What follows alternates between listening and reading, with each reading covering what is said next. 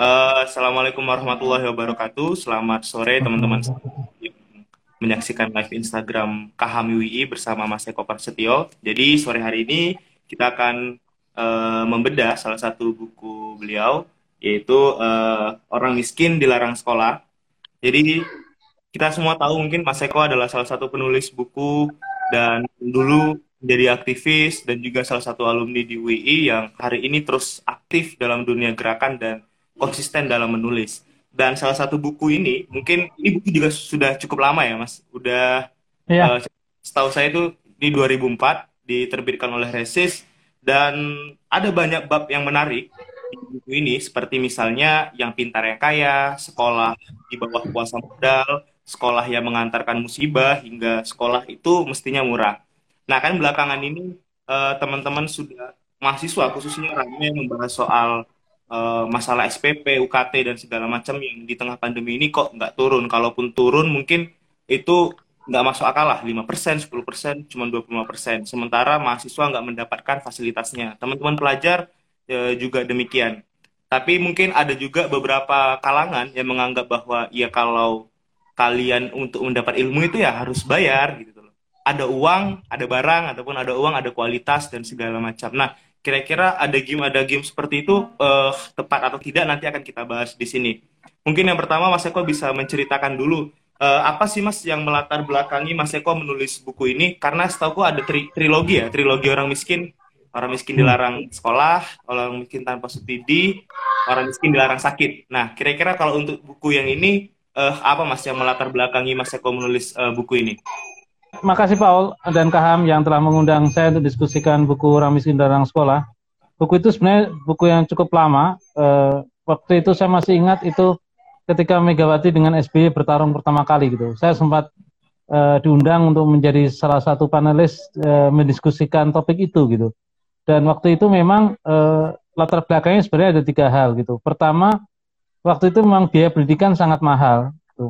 Belum ada dan kebijakan dana bos saat itu dan pendidikan memang eh, benar-benar berorientasi komersial gitu. Di buku-buku di beberapa bab di buku itu saya sebut bahkan eh, buku-buku yang harus dibeli lalu pelajaran yang ekstra yang harus yang harus dibebani biaya ke orang tua siswa gitu. Bahkan pendaftaran sekolah yang yang waktu itu masih sangat mahal eh, apa namanya untuk biaya pendaftaran masuk ke sekolah-sekolah sekolah-sekolah menengah dasar dan umum gitu. Nah, komersialisasi pendidikan adalah salah satu uh, fenomena yang muncul di pendidikan pendidikan dasar hingga menengah kala itu gitu. Sehingga saya merasa bahwa orang miskin tidak bisa mengakses pendidikan dan terutama pada pendidikan-pendidikan yang dasar sekalipun. Mengingat angka partisipasi pendidikan kita sangat rendah sekali. Saya melihat uh, buku itu kemudian mencoba untuk melakukan kritik atas negara yang tidak mengalokasikan dana pendidikan cukup signifikan gitu. Waktu itu belum ada dana pendidikan 20%. Yang kedua, pendidikan itu eskalator menurut saya. Uh, dia adalah tempat di mana kita bisa berubah nasib. Kapan kita berubah nasib? Ya kalau kita sekolah gitu. Tanpa sekolah uh, kita sulit untuk berubah nasib gitu.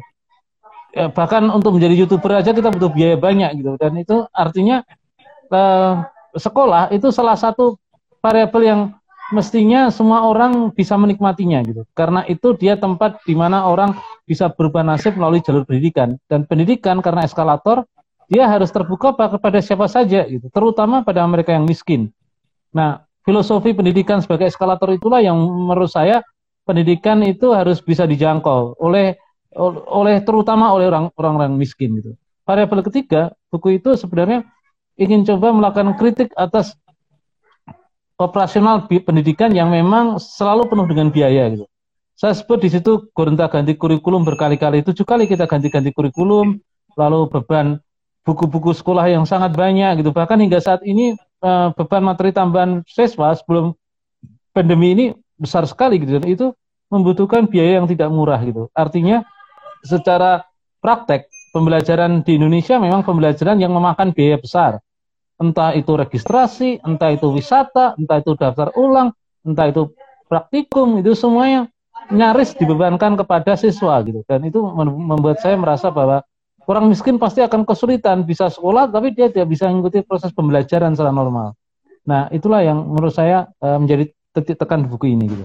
Oke. Nah, kemudian kan kita juga tahu Mas bahwa ini buku tadi benar sudah sejak uh, pertama kali terbit tahun 2004 dan permasalahannya itu di era uh, eh, SBY dan Megawati sedang namun bagaimana dengan uh, tapi juga aku ngebaca buku ini masih banyak poin-poin yang sekiranya relevan dengan persoalan pendidikan hari ini. Nah, namun bagi Mas Eko sendiri, apa sih sebenarnya permasalahan pendidikan hari ini terus dari apa yang sudah Mas Eko tulis dalam buku ini? Ya, saya melihat pendidikan itu problem besarnya adalah di tingkat akses gitu. Sekarang ini memang perkara yang paling rumit adalah bagaimana cara kita uh, dapat sekolah yang baik tetapi murah. Sekarang ini kan politik terbaru pemerintah adalah zonanisasi. Gitu. Itu sebenarnya kebijakan yang sangat progresif gitu, dalam banyak hal. Tetapi kebijakan ini mestinya juga diikuti oleh kebijakan pemerataan sekolah-sekolah bermutu gitu. Artinya sekolah-sekolah bermutu juga mestinya merata di semua tempat gitu, di semua wilayah gitu. Sehingga kalau zonanisasi itu kita bisa menampung mereka-mereka yang tidak mampu yang jauh dari kota untuk mendapatkan pendidikan yang bermutu. Ini masalah akses gitu. Memang biayanya tidak sebesar dahulu, tetapi akses tidak mudah bagi orang-orang miskin gitu. Yang kedua, pada sisi akses juga, mestinya orang miskin tetap diberi hak istimewa gitu. Sekarang ini kan orang miskin bisa dapat beasiswa, pertama kalau pintar, kedua kalau hafal Quran, Ketika kalau memang ada buktinya miskin sekali gitu dan bukti miskin sekali itu kan nggak gampang sekali di negeri ini. Definisinya aja mengerikan. Orang miskin tuh waktu saya nulis buku itu, saya mengkritik tentang definisi orang miskin di Indonesia. Lantainya dari tanah, tidak punya motor, uh, itu di antaranya salah satunya gitu. Sekarang lantai dari tanah mana pula orang nggak punya motor juga jarang sekali sekarang ini. Artinya orang miskin kalau memang mau diberi diberi kesempatan untuk mendapatkan pendidikan, mestinya tanpa banyak prasyarat gitu. Miskin miskin aja itu bisa dia dapat sekolah yang lebih baik gitu. Akses itu termasuk uh, soal kriteria. Ya, akses ketiga adalah orang miskin mestinya bisa mengikuti proses pembelajaran yang murah gitu. Sekarang ini misalnya anak mau kuliah, eh, orang miskin mau kuliah gitu. Be apa modal SMA nggak cukup gitu. Orang miskin harus ikut bimbingan belajar. Mana ada bimbingan belajar murah, mahal semua bimbingan belajar sekarang. Karena saya lagi Bimbingan belajar aja mahal sekali kira-kira. Itu artinya uh, proses pembelajaran itu tidak mem tidak membuat orang miskin harus ter tertekan biaya lagi. Ini akses susah, uh, praktek pembelajaran susah, proses pembelajaran yang makan biaya juga gitu. Artinya saya melihat orang miskin tetap susah untuk sekolah di tempat terbaik dengan biaya yang mampu ia jangkau gitu. Itu tetap mengalami kesulitan sekali di negeri ini. Oke. Nah, kemudian juga uh, salah satu hal yang menurut paling menarik dari buku ini adalah tentang bagaimana Mas Eko menjelaskan uh, kuasa modal, kuasa modal baik itu as, kuasa tentunya kuasa modal asing uh, uh, dalam dunia pendidikan kita gitu loh. Dan hari ini itu masih tetap terjadi, Mas. Artinya 2004 sampai hmm. 2020 yang sudah lebih dari 10 tahun, kuasa modal dalam dunia pendidikan ini masih tetap bertahan. Nah, Mas Eko sendiri menanggapi persoalan kuasa model gini baik dari perspektif neoliberalisasi pendidikan ataupun kapitalisasi pendidikan itu seperti apa, Mas?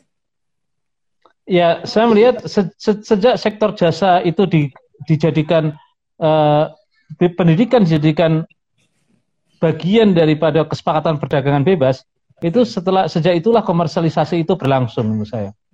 Apa yang menjadi orientasi komersialisasi itu pertama meletakkan pendidikan itu sebagai bagian dari bisnis gitu. Dan itu terbukti dengan diliberalkan eh, sekolah-sekolah swasta berdiri dengan gampang di negeri ini gitu. Kita bisa bayangin deh sekolah sekolah swasta di negeri. Dulu sekolah swasta itu membantu mereka yang tidak tertampung di sekolah negeri. Sekarang sekolah swasta adalah menjadi blok khusus, kasta khusus kadang-kala untuk mereka-mereka yang punya kemampuan yang lebih gitu. Dan mereka bisa menggunakan kurikulum yang berbeda sekali. Kurikulum yang mereka bisa menggunakan bahasa internasional sendiri, mereka bisa punya menteri pembelajaran sendiri, itu artinya ketika pendidikan diliberalkan, maka yang terjadi adalah proses elitisasi gitu.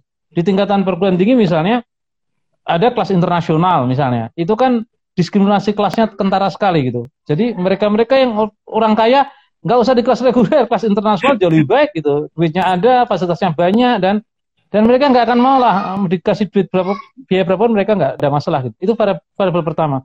Variabel kedua menurut saya kastanis, eh, komersialisasi itu mewujud dari kolaborasi pendidikan dengan dunia bisnis gitu. Uh, dulu kan Mendiknas kita waktu sebelum ini sangat gentol sekali mendorong bahkan Nadul Makarim juga seperti itu gitu mendorong agar anak-anak itu bisa lekas kerja gitu dan sekolah yang paling penting adalah sekolah vokasi Jokowi senang sekali dengan soal ini gitu artinya kalau bisa sekolah keluar kerja. Bahkan kalau bisa ketika sekolah udah kerja kira-kira.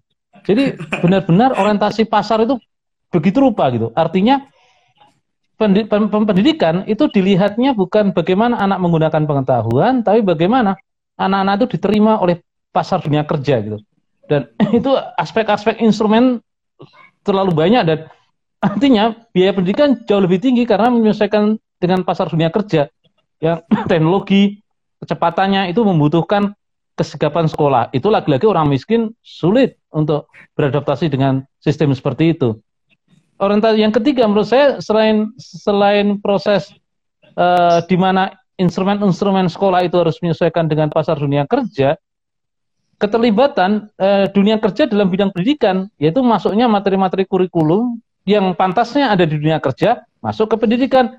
Itulah mata kuliah wirausaha. Sekarang ini banyak sekali kan training wirausaha, bikin modal dari sedikit, lalu ada lomba wirausaha, ada banyak sekali lah sekarang itu upaya untuk membuat anak-anak tidak menjadi ilmuwan tetapi menjadi pengusaha. Nah sekarang kan bingung semua kan kita COVID-19 itu, COVID itu nggak ada virus. Itu butuh pengetahuan, butuh kan butuh wirausaha. Akhirnya semua orang diperjualbelikan sekarang. Masker diperjualbelikan, sanitizer diperjualbelikan. Itu efek dari kuliah wirausaha menurut saya. Semua diperdagangkan kira-kira. Hal-hal yang nggak pantas diperdagangkan menjadi diperdagangkan hari ini. Nah orientasi itu yang berbahaya sekali menurut saya. Dengan dengan uh, kualitas pembelajaran seperti itu, wajar jika dunia pendidikan kita tertinggal dibanding negara-negara ASEAN gitu. Kita tertinggal jauh dari Singapura bahkan kita tertinggal dari Malaysia, kita tertinggal dari negara-negara lain kira-kira. Nah, ini karena uh, budaya pendidikan lah budaya berorientasi komersial. Oke. Nah, kemudian Mas terkait salah satu bab yang ngebahas bahwa sekolah yang mengantar musibah. Ini maksudnya apa nih Mas? Kok justru orang kan masuk ke sekolah ingin belajar, ingin mendapatkan ilmu pengetahuan, tapi kok justru Mas Eko membuat suatu bab yang khusus mengantar bahwa ya sekolah itu bisa mengantarkan ke musibah gitu. Itu gimana tuh Mas? Ya, saya lihat pembelajaran di sekolah ini, Anda lihat kan sekarang apa yang terjadi pada anak-anak yang libur hari ini. Senang semua mereka. saya sering tanya sama anak-anak, kamu suka libur ke sekolah? Libur lah, semua anak suka libur. Sedikit sekali anak yang rindu sama sekolahnya kira-kira. Saya rasa hari ini menjadi bukti betapa bahkan mahasiswa pun kalau tanya enak mana kuliah apa libur libur lah kira-kira semua suka libur menurut saya baru kali ini sekolah membuktikan diri tidak ada banyak gunanya gitu karena semua orang menyukai liburan hari ini kira-kira. Kalaupun mereka ingin sekolah itu lebih karena mungkin rindu ke teman aja bukan mendapatkan pelajaran saya rasa karena mereka ada bosan di rumah ya ke sekolah lah kira-kira gitu. Tapi itu bukan karena rindu pelajaran. Itu satu hal mengatakan saya ingin katakan apa? Sekolah itu kerap kali tidak memberikan pengalaman ber, pengalaman dalam sekolah bukan pengalaman pengetahuan, tetapi pengalaman bersahabat, bergaul, itu yang paling menonjol. Dan hal itu kemudian membuat uh, sekolah itu lebih banyak upaya membebani bullying di sekolah terjadi gitu. Uh, hampir sering sekali bullying itu berlangsung di sekolah-sekolah kita. Belum lagi pemukulan, kekerasan yang marak di sekolah-sekolah kita. Itu artinya satu fenomena yang yang umum terjadi adalah sekolah itu kemudian menjadi seperti tempat di mana anak-anak itu tumbuh bukan dengan pengetahuan tapi tumbuh dengan kompetisi yang luar biasa. Hari ini mereka senang sekali, nggak ada uan bahkan yang kelas 3 itu. Hilang sudah ranking yang paling pintar, itu nggak ada semua hari ini kira-kira. Nah itu mereka merasa bebas sekali karena di situlah uh, terjadi sekolah yang selama ini melakukan kastanisasi dengan ranking dengan iklim kompetisi itu memberikan efek yang luar biasa pada anak-anak gitu. Mereka kemudian sulit kan di Indonesia itu kalau kita sekolah itu paling tidak kita harus pintar tiga hal matematika, IPA kalau bisa matematika, IPA, bahasa Inggris gitu. Itu harus pintar semuanya. Kalau itu kita goblok semuanya, sial sekali kita di sekolah kira-kira. Hampir nyaris kita nggak dapat ujian sama sekali. Nah itu artinya sekolah bisa menjadi musibah bagi anak-anak yang memang kemampuannya pas-pasan gitu. Karena standar di sekolah kita tuh semua sama dengan nilai 6 dan 6 nilai ujian nasional sebagai standar itu membuat sekolah kita terbatasi semuanya. Yang pintar hanya pintar itu itu saja gitu. Kita nggak punya kemungkinan lain. Anak itu pintar bergaul, pintar organisasi, Bahkan pintar protes pun nggak masuk kira-kira. Nah, kalau ada anak suka protes, pasti gurunya marah dan semua orang marah kira-kira. Padahal protes adalah salah satu kecerdasan sendiri menurut saya. Nah ini yang yang membuat saya mengatakan pendidikan itu kemudian lebih banyak menyiksa. Oke. Nah kemudian ini mas, uh, ya pendidikan juga ataupun sekolah juga bisa mengantarkan melahirkan seorang penjahat gitu. Kemudian uh, jadi kita kan baru ada menteri baru ini mas, Mas Nadim. Nah, tanggapan Mas Eko terhadap kebijakan-kebijakan beliau saat ini, terutama terkait kampus Merdeka, itu gimana, Mas? Ya, pertama saya belum membaca kebijakan itu secara komprehensif ya. Pernah saya diundang seminar di beberapa tempat bahas kebijakan Nadim gitu. Saya pertama kali menyoroti tentang dipilihnya dirinya gitu. Saya memang apa namanya uh, tidak curiga bahwa dia tidak punya pandangan pendidikan, tetapi Nadim dikenal bukan sebagai seorang pendidik, bahkan dikenal bukan sebagai orang yang punya ide tentang pendidikan, tetapi dia dikenal karena Gojek gitu. Gojek itu kenapa kita suka Gojek? Karena kita pesan dengan mudah, kita gampang untuk mendapatkannya kira-kira. Nah, nampaknya filosofinya adalah bagaimana kita membuat gampang sekolah kira-kira. Dengan Gojek itu dipilih, dengan pos Gojek itu dipilih. Maka Nadim dulu sering sekali uh, mengilustrasikan ini sering sering mas saya ingat gitu.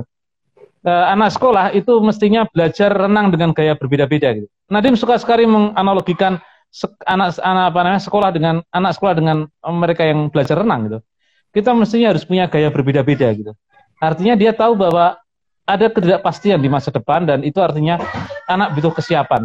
Itulah ide kampus merdeka. Tetapi sepanjang yang saya ketahui karena ide ini belum lengkap menurut saya, dan karena pandangan itu belum menyeluruh yang saya baca dan Andim juga tidak memberikan penjelasan komplit mengenai itu, saya melihat ide kampus merdeka itu pertama sama dengan orientasi Gojek meletakkan kampus dengan dunia pasar kerja gitu. Kalau bisa anak-anak itu e, punya kesempatan magang lebih banyak dan diberikan keterampilan karena nanti mirip dengan Jokowi dia sangat khawatir sekali kalau kampus itu menciptakan pengangguran Nah sekarang benar juga kan karena krisis ekonomi bukan karena kuliahnya sekarang banyak sekali orang nganggur kira-kira ini. Nah itu artinya eh, pendidikan kamus merdeka itu memang membekali orang untuk eh, punya orientasi kerja. Gitu. Kerja dalam artian ya di pabrik, ya magang seperti itulah gitu. Bukan kerja dalam artian anak-anak itu menciptakan dunia kerja sendiri. Itu berbeda sekali dengan kerja dalam artian sebagai budak, pelayan, karyawan dengan kerja sebagai manusia independen. Itu beda, beda sekali. Nadim kayaknya nggak bisa memisahkan dua hal itu. Kita mau kerja sebagai seorang independen atau kita kerja menjadi karyawan. Gitu. E, prinsip kedua menurut saya e, yang ingin saya lihat dari ide kamu seperti itu adalah ide kebebasan. Misalnya ini ide yang menarik sebenarnya. Mungkin perlu dijelaskan Nadim lebih banyak. Orang bisa berpindah fakultas. Gitu. Di luar negeri ini sering terjadi kan orang hari ini semester itu dua kuliah fakultas hukum, lalu besok kuliah di fakultas teknik itu menarik ide itu kalau memang diterapkan kan. Anak UI semester 1 2 Fakultas Hukum, 3 4 Fakultas Kedokteran. Nanti semester terakhir Fakultas Agama Islam kira-kira. itu menarik sekali. Kalau saya ide itu adalah dia ingin mencoba anak-anak itu untuk berpikiran lebih terbuka dengan melihat fakultas itu bukan bukan rumah yang sendiri-sendiri berdiri. Pada titik itu saya mungkin itu yang paling menarik menurut saya. Anak-anak kemudian belajar dengan dengan lebih apa namanya lebih melihat uh, keragaman pengetahuan. Variabel ketiga menurut saya uh, ide ini menjadi kamus merdeka ini yang tidak jelas adalah biaya pendidikan seberapa jauh gitu. Nampaknya Nadim tidak punya uh, apa legacy kebijakan soal ini gitu. Sampai hari ini kan dia tidak punya kebijakan nih soal epidemi ini.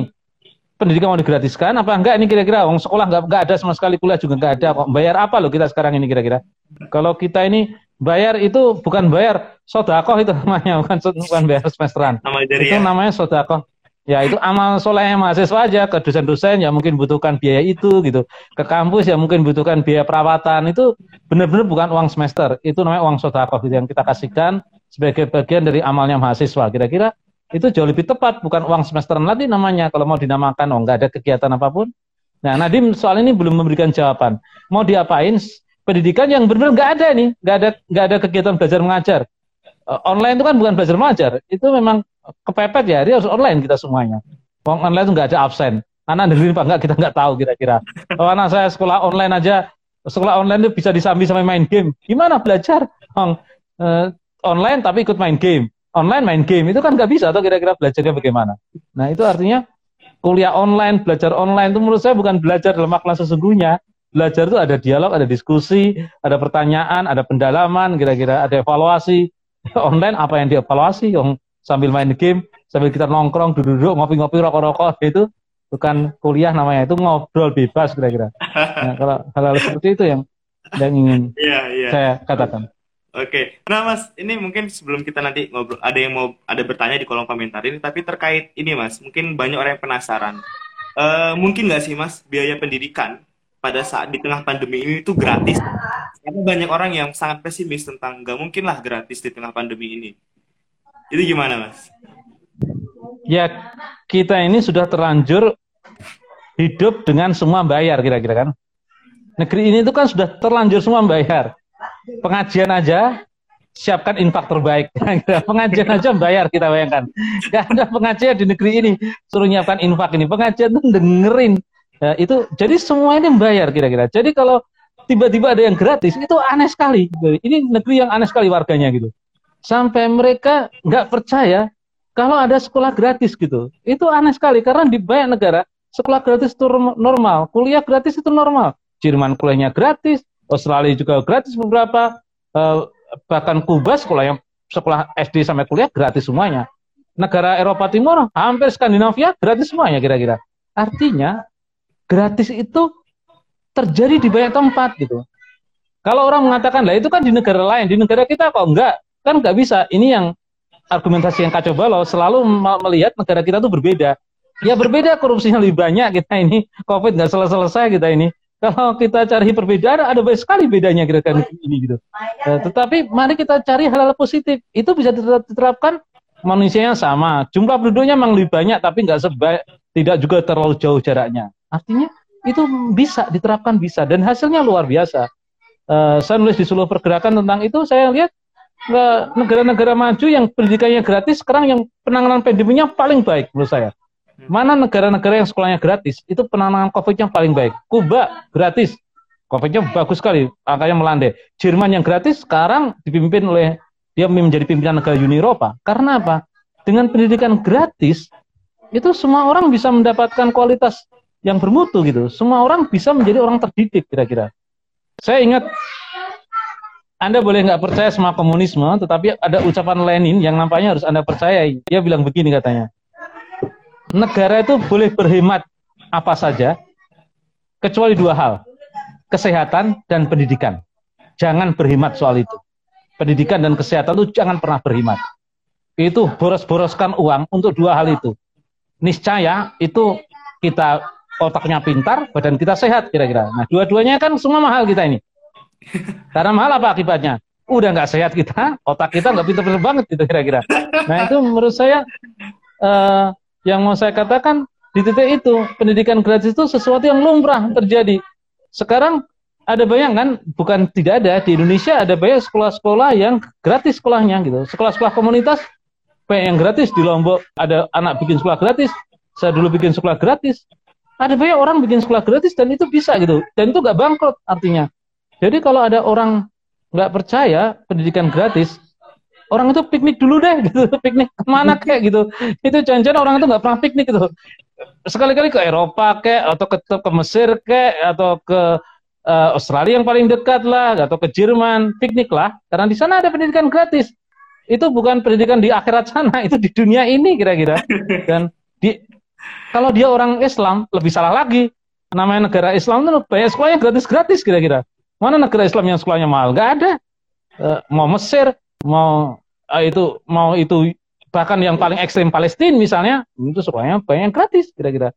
Jadi kalau ada orang Islam apalagi UII, kok dosennya nggak percaya pendidikan gratis, nah kita harus pertanyakan keislamannya ini. Ini Islam jenis apa itu? Nggak ada itu. Pergilah ke negara-negara Islam. Di mana pun negara Islam sekarang sekolahnya murah. Ke Turki sekolahnya murah juga. Bahkan banyak teman-teman eh, pergi ke Turki karena beasiswa gratis. Gitu. Artinya di semua negara sekarang pendidikan yang gratis. Maka mari kita belajar dari itu.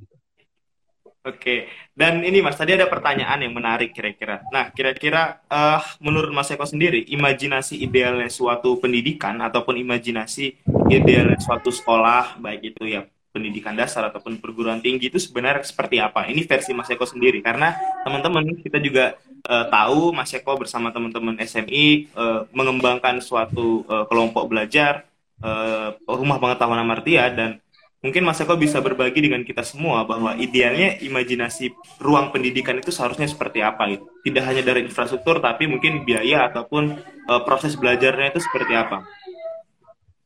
Ya, menurut saya, saya sebenarnya mengutip dari Tan Malaka yang kemudian mendirikan sekolah rakyat. Ini lebih dulu ketimbang Ki Hajar menurut saya. Dia punya tiga, sekolah itu mesti mengajarkan tiga hal yang penting. Gitu. Pertama, mengajarkan tentang logika.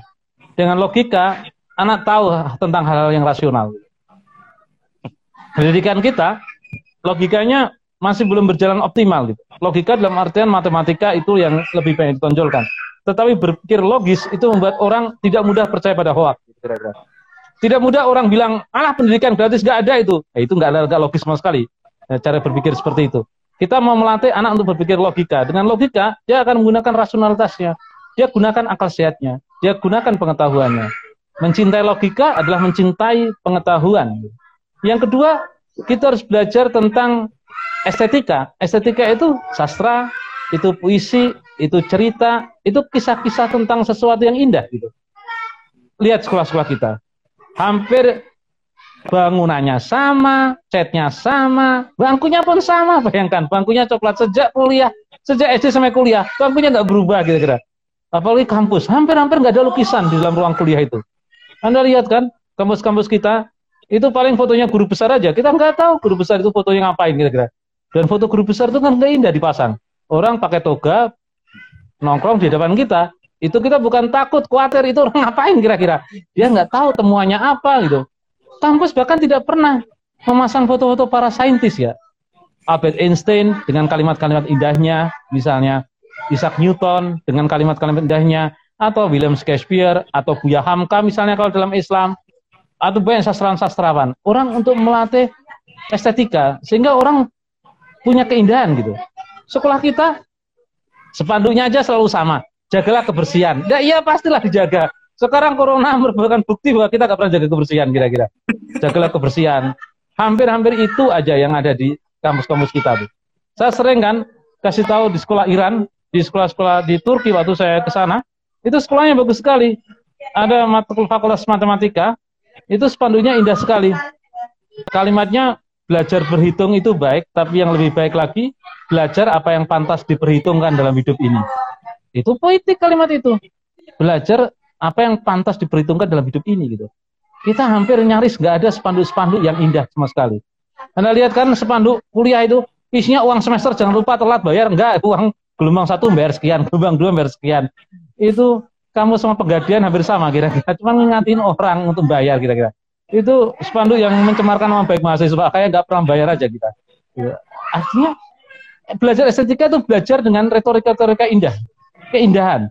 Yang ketiga itu belajar paling penting yaitu belajar etika itu tentang mana yang baik, mana yang salah. Bahkan kalau lebih tinggi lagi itu belajar mana yang baik dan mana yang lebih baik kira-kira. Nah itu yang hampir buat saya kalau sekolah itu mengajarkan logika, etika, estetika, cukup itu. Anak itu entah jadi petani, entah jadi pengusaha, entah jadi apa, dia menggunakan tiga hal itu gitu. Saya belakangan ini belajar tentang Angela Merkel gitu, kanselir Jerman yang yang yang mampu mengendalikan COVID-19 gitu. Kalau kita lihat jejak sekolah dia, itu menakjubkan sekali kan. Dia belajar biologi molekuler. Dia belajar sebagai seorang saintis. Bahkan dalam keputusan-keputusan publik, dia masih menggunakan referensi pengetahuan untuk memastikan benar tidak negara ini harus melakukan pembukaan atau tidak gitu. Itu ciri dari para pembelajar gitu. Kalau kepala negara kita seperti itu, kalau pejabat kita seperti itu, menggunakan saintis, menggunakan pengetahuan, saya rasa kita banyak menangani banyak hal dan itu dimulai dari sekolah yang murah menurut saya. Sekolah yang gratis sehingga setiap orang bisa menikmatinya. Oke, Uh, dan kemudian ini mas mungkin uh, belakangan ini kan kita banyak mengenal sekolah sekolah-sekolah dengan latar belakang mungkin agama ada uh, apa ya di, mengkhusus-khususkan lah mas sekolah Islam, sekolah Kristen dan segala macam. Nah fenomena ini kan mungkin dulu mungkin belum banyak terjadi, tapi sekarang sudah banyak seperti itu. Nah Mas Eko sendiri, ini mungkin kita agak keluar dari buku ini, tapi melihat uh, fenomena seperti ini dalam dunia pendidikan itu uh, gimana mas? Ya memang ada banyak kritikan soal sekolah yang ek eksklusif ya, sekolah yang tentang bertabur agama gitu. Tapi memang pasarnya begitu kira-kira ya. Ini kan sekolah ini kan hampir nyaris Indonesia nih karena nggak ada karakternya gitu. Sekolah menyesuaikan pasarnya gitu. Kalau pasarnya Islam, ada Universitas Islam Indonesia. Sekarang ada Universitas Islam Indonesia Internasional. Itu kan kacau sekali negeri ini kira-kira. Ada UII, ada UI-nya banyak sekali sampean yang sekarang bermasalah itu kira-kira. Artinya ini komoditas lama-lama kelamaan. Agama bukan dalam artian mencoba mengembangkan kebaikan secara kolektif, memberikan rahmatan lil alamin dalam makna agama yang sebenarnya tapi agama sebagai komoditas. Kalau agama sebagai komoditas apa yang terjadi kemudian? Kita lihat kan fakultas-fakultas tertentu terpisah sebegitu rupa gitu. Sekolahnya, saya sering katakan nih, sekolahnya bisanya namanya Abu Bakar, tapi biayanya bisa Abu Jahal kira-kira. Sekolah yang mahal sekali. Itu uh, artinya orientasi komersialnya kemudian menjadi luar biasa besar. Saya melihat beberapa sekolah agama sekarang pun tidak bisa menerapkan SPP gratis gitu. Padahal misi agama itu pembebasan. Dalam situasi seperti ini mestinya agama mengambil peran yang lebih le, lebih maju gitu. Dan itu lembaga pendidikan agama mestinya melakukan kebijakan lebih progresif. Itu karena apa? Menurut saya karena agama menjadi komoditas. Karena menjadi komoditas, agama kemudian tidak diamalkan dalam konteks yang yang tidak diamalkan secara kontekstual gitu. Anak belajar sekolah agama bukan kemudian anak itu menjadi pemberani protes atas ketidakadilan struktural, peduli pada mereka yang lemah, bukan seperti itu. Memang belum ada bukti yang riset yang memadai, tapi saya lihat sekolah-sekolah yang berlebar seperti itu belum seperti yang kita harap. Lebih menampung mereka-mereka yang lemah, yang tidak mampu, yang sebenarnya menjadi misi agama. Misinya pembebasan, sekolah-sekolah agama juga bisa bekerja itu gitu. Ada dua sekolah yang saya amati, yang memang benar-benar mencoba mengembangkan misi itu, yaitu sekolah yang dilakukan oleh rumah zakat dan dompet duafa. Dua-duanya gratis dan mendapatkan sekolah juara satunya dan saya lupa nama satu sekolahnya, tapi itu e, misinya adalah misi pembebasan. Artinya memang tidak semua sekolah agama, tapi mayoritas masih berorientasi pada pasar. E, yang ketiga menurut saya sekolah agama kemudian men, bukan sekedar menjadi komoditas, itu menjadi ekspresi ritual gitu, ekspresi simbolik. Nah, kita lihat kan e, sekolah agama berbasis asrama yang sekarang mulai menjadi marak dengan tujuan melakukan garansi moral itu. Itu bisa uh, memenuhi syarat itu, tetapi di tengah suasana seperti ini, apa peran kontribusinya sebenarnya? Gitu. Itu artinya, mari kita kedepankan budaya pengetahuan yang agama menghormati juga pengetahuan. Nah, di sekolah-sekolah keagamaan, saya rasa budaya itu belum begitu tumbuh subur gitu. Kita lihat di sekolah kita, jangankan sekolah agama, sekolah biasa aja tempat paling kecil dan paling sunyi adalah perpustakaan kan. Yang hampir nggak ada pengunjungnya perpustakaan itu. Sekolah kita perpustakaannya besar-besar, tapi adakah pengunjungnya? Kita juga nggak tahu ada apa tidak gitu kira-kira. Masih sedikit sekali. Nah artinya budaya baca, budaya pengetahuan belum hidup kalau sekolah sebagai sendi pendidikan tidak mendorong budaya itu secara lebih optimal. Saya masih melihat pada konteks agama seperti itu mungkin. Oke mas, ini ada jadi uh, bagaimana dengan tanggapan jauhkan mental gratis? Misalnya seminar gratis dan berbayar, banyak yang memilih berbayar karena dianggap lebih menghargai. Jadi konteksnya ini uang itu sebagai rasa menghargai, Mas. Itu gimana, Mas? Ya, buat saya uh, seperti tadi sempat disampaikan, negara itu boleh boros saja, tetapi yang paling yang boros-boros pada pendidikan dan kesehatan dua hal ini adalah kebutuhan primer. Mestinya ini bukan gratisnya. Siapa yang menanggung mestinya? Negara harusnya bisa gitu. Negara itu mampu membuat pendidikan itu gratis untuk semua warga masyarakat. Pendidik uang BPJS saja negara mampu walaupun sekarang naikkan loh ya kira-kira. Tapi efeknya luar biasa dengan BPJS itu. Andai kan kartu pendidikan itu kayak BPJS yang semua orang bisa menikmatinya sampai kuliah, itu pasti semua orang akan sekolah akan ramai dengan banyak pendaftar, dengan banyak orang yang mau terlibat di situ. Filosofinya bukan gratisnya, filosofinya adalah pendidikan mestinya bisa diakses oleh siapa pun. dari kasta kelas sosial mana pun. Karena ini pendidikan itu kebutuhan primer. Mutlak orang itu harus belajar gitu. Kalau orang itu kemudian sulit mengakses pendidikan, orang kemudian tidak mudah menggunakan akal dan akal dan pengetahuannya gitu. Itu yang membuat kita percaya lagi dengan berita bohong itu. Berita bohong itu kenapa mudah dipercaya? Anda lihat di, di negeri ini kan, orang ngaku nabi berkali-kali dipercaya atau kira-kira? Tidak ada polisi di dunia mana pun kecuali polisi di sini yang nangkap nabi palsu kira-kira. Nabi palsu kita percaya, hoak kita percaya. Itu karena apa? Karena orang tidak menggunakan pengetahuannya, bukan salahnya orang itu. Misalnya di epidemi ini, masyarakat sekarang suka ngambil mayat gitu. Atau mereka tidak mau di rapid test gitu, karena takut. Ini bukan salah masyarakatnya, karena pengetahuan mengenai itu memang langka, minim informasi mengenai itu. Lebih jauh lagi karena budaya pengetahuan nggak terbentuk gitu. Sehingga kalau budaya pengetahuan nggak terbentuk, itu karena memang pendidikan bukan sesuatu yang lazim gitu. Sekolah bukan sesuatu yang lazim. Sekolah itu sesuatu yang mahal, tidak mudah. Orang bisa sekolah sampai SD aja cukup, SMP mungkin. Apalagi pendidikan tinggi. Nah, pembiasaan budaya pengetahuan itu yang lemah. Karena budaya pengetahuan itu lemah, maka situasinya seperti hari-hari ini gitu. Kita tidak menghargai pengetahuan, kita mudah percaya pada berita bohong. Nah, inilah yang membuat pendidikan itu sepatutnya saya tidak mengatakan gratis, pemerintah yang mestinya menjamin pendidikan itu bisa diakses oleh siapa pun. Uang pemerintah aja mampu kok mengeluarkan apa namanya program pemulihan ekonomi nasional.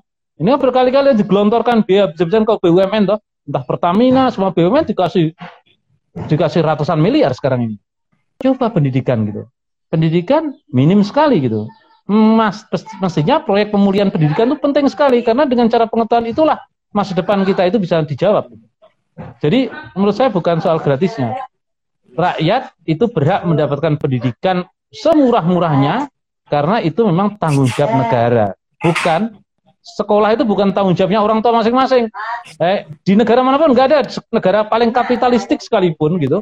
Itu pendidikan tetap tanggung jawab negara gitu. Di Amerika, di Australia, di Singapura, di banyak negara-negara yang lain itu pendidikan tanggung jawab negara negara yang mengambil peran penuh pendidikan dan kesehatan pasti. Nah, saya melihat itu konteksnya, bukan soal gratisnya itu. Oke, nah ini mungkin terakhir nih mas. Uh, karena waktu kita juga cuma satu jam ya di live Instagram.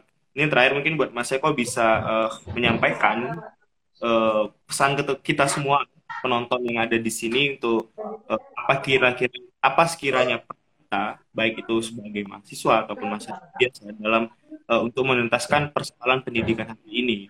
Mungkin itu, Mas. Ya, saya merasa kita harus membangun keyakinan bahwa pendidikan itu bisa murah dan harus murah. Gitu. Kita sekarang mendapatkan akibat dari pendidikan itu mahal. Kita tahu kan sekarang tenaga kesehatan kena serangan COVID, dialah yang menjadi garda terdepan dalam penanganan epidemi itu. Masalahnya apa? Kita nggak punya cukup banyak jumlah tenaga medis bukan hanya tidak cukup banyak, kita juga tidak cukup merata tenaga-tenaga medis itu gitu. Pemicunya di antaranya apa-apa? Karena fakultas-fakultas kedokteran mahal, fakultas-fakultas kesehatan mahal. Andai kita itu mirip dengan Kuba misalnya, andai negara-negara yang sampai kita tiru, pendidikan itu murah, bahkan gratis gitu. Kita bisa mendapatkan hal yang yang hari ini kita rindukan itu tenaga medis yang jumlahnya banyak sekali. Artinya pendidikan itu harus murah gitu. Sehingga semua orang itu punya kesempatan untuk sekolah. Sebab sekolah itu satu-satunya cara kita untuk mengubah nasib kita. Jikalau ada orang yang tidak percaya pada pendidikan gratis, itu dosa sekali menurut saya. Dia nggak tahu bahwa itu adalah terjadi di banyak negara seperti itu. Negara yang ingin memerankan diri sebagai pelindung rakyat. Itu tidak mau, mau tidak mau harus menggratiskan pendidikan. Maka kalau ada orang yang tidak percaya pada pendidikan gratis, ada orang yang meyakini pendidikan itu mahal, sebaiknya orang itu tidak berada di tempat ini gitu. Negeri ini didirikan untuk rakyat, terutama mereka yang lemah gitu. Di antara amanat pendiri republik adalah mendirikan sebuah pendidikan yang bisa dijangkau oleh semuanya. Ki Hajar Dewantoro mengatakan itu, Soekarno melakukan itu, Hatta mengerjakan itu, Tan Malaka mengerjakan itu, bahkan Kiai Haji Ahmad Dahlan, pemimpin Muhammadiyah, Kiai Haji Wahid Hasim mendirikan pesantren, juga mendedikasikan bahwa pendidikan itu untuk rakyat, pendidikan untuk mereka yang tidak mampu. Hari ini banyak yang tidak mampu. Kalaupun kita tidak mampu menggratiskan pendidikan, paling kita meringankan biaya anak-anak yang sekarang terkena pandemi. Kalau kita pun tidak mampu, setidaknya jangan komentar bahwa gratis itu nggak mungkin dan mustahil. Anda nggak bisa mengatakan itu. Yang mustahil itu mukjizat Allah kira-kira. Kok pendidikan gratis mustahil gimana? Di mana-mana sudah melakukan itu. Dan kalau kita tertinggal, seperti hari ini kita akan tertinggal dalam segalanya. Tertinggal dalam menangani epidemi, tertinggal dalam menangani COVID. Terima kasih. Itu aja pesan saya. Pokoknya okay. terus tuntut okay. pendidikan murah, terus tuntut pendidikan gratis. Terima kasih. Terima kasih banyak Mas Eko. Terima kasih okay. semua teman-teman. Okay.